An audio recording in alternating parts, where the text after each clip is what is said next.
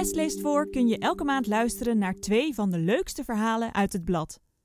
Volg ons op Spotify, iTunes of Soundcloud om niks te missen.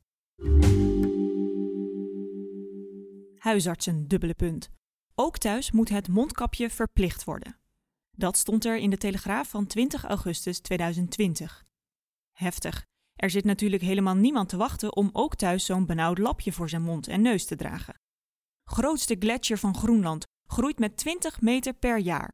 Wetenschappers staan voor een raadsel. Dit las je op 16 mei 2019 op 9fornews.nl, een site met als onderkop vrij en onafhankelijk nieuws. Tussen 2000 en 2010 verloor de Jacobshaven Gletsjer veel ijs, bericht de site verder. Sinds 2013 krimpt de gletsjer niet meer. Sterker nog, hij groeit in de richting van de oceaan. Dat lijkt goed nieuws. Zou het dan meevallen met die klimaatverandering? En hoe hartverwarmend is het TikTok-filmpje van een enorme groep motorrijders die binnend op de grond zit? Volgens de Amerikaan Jacob Snyder, die het op 3 oktober 2020 op Twitter postte, bidden ze voor Donald Trump, die net met het coronavirus in het ziekenhuis lag. Deze post werd door ruim 26.000 mensen geretweet, onder andere door PVV Tweede Kamerlid Edgar Mulder.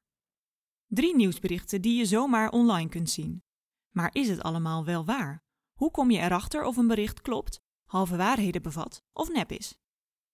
Als je een bericht ziet waarbij je direct emoties zoals ongenoegen of verbazing voelt, is dat een signaal om alert te zijn. Veel mensen zijn geneigd om een bericht dat heftige emoties oproept, oh wat erg schandelijk, meteen door te sturen op sociale media, zegt Peter Burger. Hij is docent journalistiek en nieuwe media aan de Universiteit Leiden en medeoprichter van nieuwscheck-website nieuwscheckers.nl. Mensen sturen het zelfs vaak door zonder het bericht te lezen, maar alleen de kop. Jammer, want zo verspreidt nepnieuws zich als een razende. Het telegraafbericht over de mondkapjes is 338 keer gedeeld vanaf de Facebookpagina van het dagblad. Eronder staan 1500 reacties waarvan een deel erg emotioneel is, zoals: De eerste die dat bij mij thuis komt verplichten, maak ik dood. Of: Hartstikke gek. Leuk voor mijn kleine kindjes om mama alleen met zo'n stoflap voor het gezicht te zien en geen kusjes meer te krijgen. Pleur op. Het hele bericht lezen is niet voor iedereen weggelegd, want het zit achter een betaalmuur. Maar wie daarachter kijkt, ziet al snel dat het om een advies van de Brusselse huisartsenkring gaat. Die heeft weinig invloed op de regels in Nederland.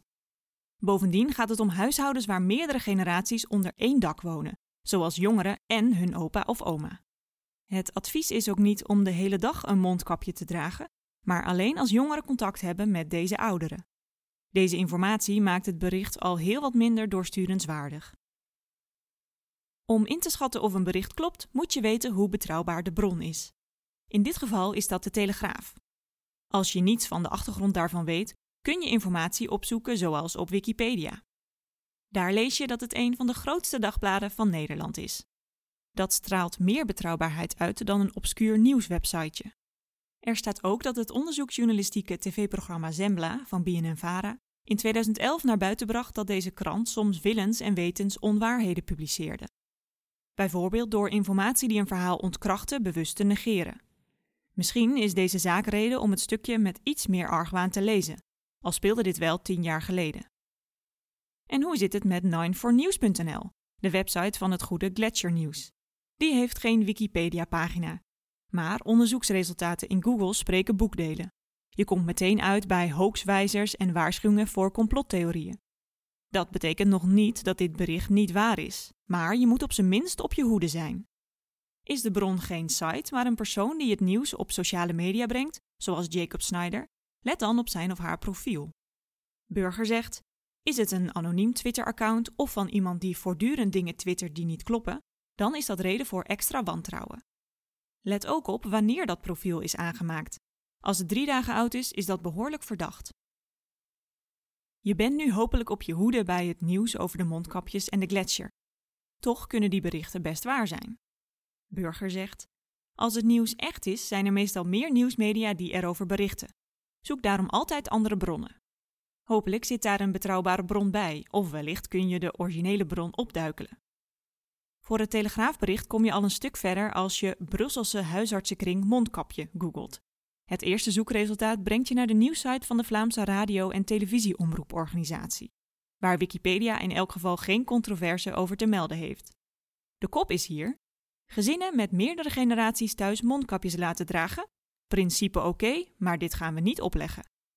In dit bericht stelt de voorzitter van de huisartsenkring dat het om een aanbeveling gaat en dat er natuurlijk geen politie langskomt om te controleren. Van een verplichting is dus helemaal geen sprake. Helemaal verzonnen is het telegraafbericht dus niet, maar er is op zijn minst sprake van halve waarheden. Bij het stuk over de groeiende gletsjer is 9 News zo vriendelijk door te linken naar het artikel in de Britse krant The Independent, dat het gebruikt als bron. Het verwijst ook naar de originele bron, een bericht van de Europese ruimteorganisatie ESA. Beide bronnen stellen inderdaad dat de gletsjer dikker wordt en weer iets naar de oceaan groeit. Maar als je verder leest, helaas in het Engels, stellen ze ook dat de gletsjer in totaal nog steeds meer ijs verliest dan dat er door sneeuwval bijkomt. Dit gaat alleen langzamer dan voorgaande jaren. Deze belangrijke informatie is in het bericht van 9fornews.nl weggelaten. Burger zegt: Het is goed je te realiseren dat nieuws bijna nooit van mensen komt die het zelf gezien hebben. Het is altijd een ketting van bronnen. Bij het doorgeven kan van alles misgaan, zoals versimpeling of overdrijving. Hoe zit het met de motormuizen van Trump? Vaak staat bij spraakmakende berichten een foto of video. Ook die kun je onderzoeken, net als profielfoto's van accounts die je twijfelachtig vindt. Als je met je muis op de foto gaat staan en op de rechtermuisknop drukt, kun je kiezen voor afbeelding zoeken in Google.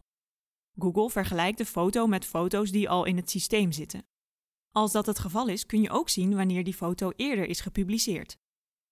Met een filmpje is dat lastiger. Maar je kunt stilstaande beelden van een video aan Google afbeeldingen voeren. Er bestaan ook gratis programma's die je kunt downloaden waar dat mee kan, zoals Infit.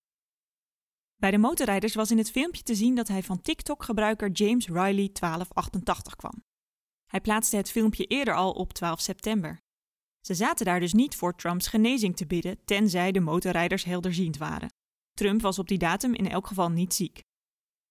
Factcheckers ontdekten later dat het om motorrijders in Pretoria, Zuid-Afrika ging, die op 29 augustus 2020 protesteerden tegen geweld tegen boeren. Een heel andere context dus. Burger zegt: Soms is een filmpje alleen een fragment uit een langere video. Dan blijkt een onschuldige dame die wordt mishandeld door mensen van Afrikaanse komaf ineens een dronken vrouw die iemand met een wijnfles op het hoofd had geslagen en door OV-medewerkers en omstanders wordt vastgehouden tot de politie er is. Om feit van fictie te onderscheiden moet je natuurlijk wel willen uitzoeken of iets waar is of niet. Heel veel mensen hebben die motivatie niet. Burger zegt: Je maakt je leven een stuk makkelijker als je sommige mediakanalen zoals de publieke omroep maar het voordeel van de twijfel geeft. Of als je juist besluit om een heel grote categorie informatiebronnen te wantrouwen zoals de mainstream media of wetenschappers. In beide gevallen hoef je niet na te denken over wat waar is en wat niet. Het maakt sommige mensen ook niet uit of iets onbetrouwbaar is. Burger. Zelfs als ze weten dat iets onbetrouwbaar is, sturen ze het vaak toch door. Uit emotie of omdat de inhoud ondanks de twijfel wel bij hun denkbeelden past. Of gewoon voor de zekerheid, voor het geval het toch waar is. Daarnaast is het in de praktijk natuurlijk ook niet te doen om van alle berichten die je leest te controleren of ze wel waar zijn. Je zou er een dagtaak aan hebben. Maar het checken van berichten die heftige emoties of argwaan oproepen, kan in elk geval wat wijsheid opleveren. Dan weet jij in elk geval wel hoe het zit.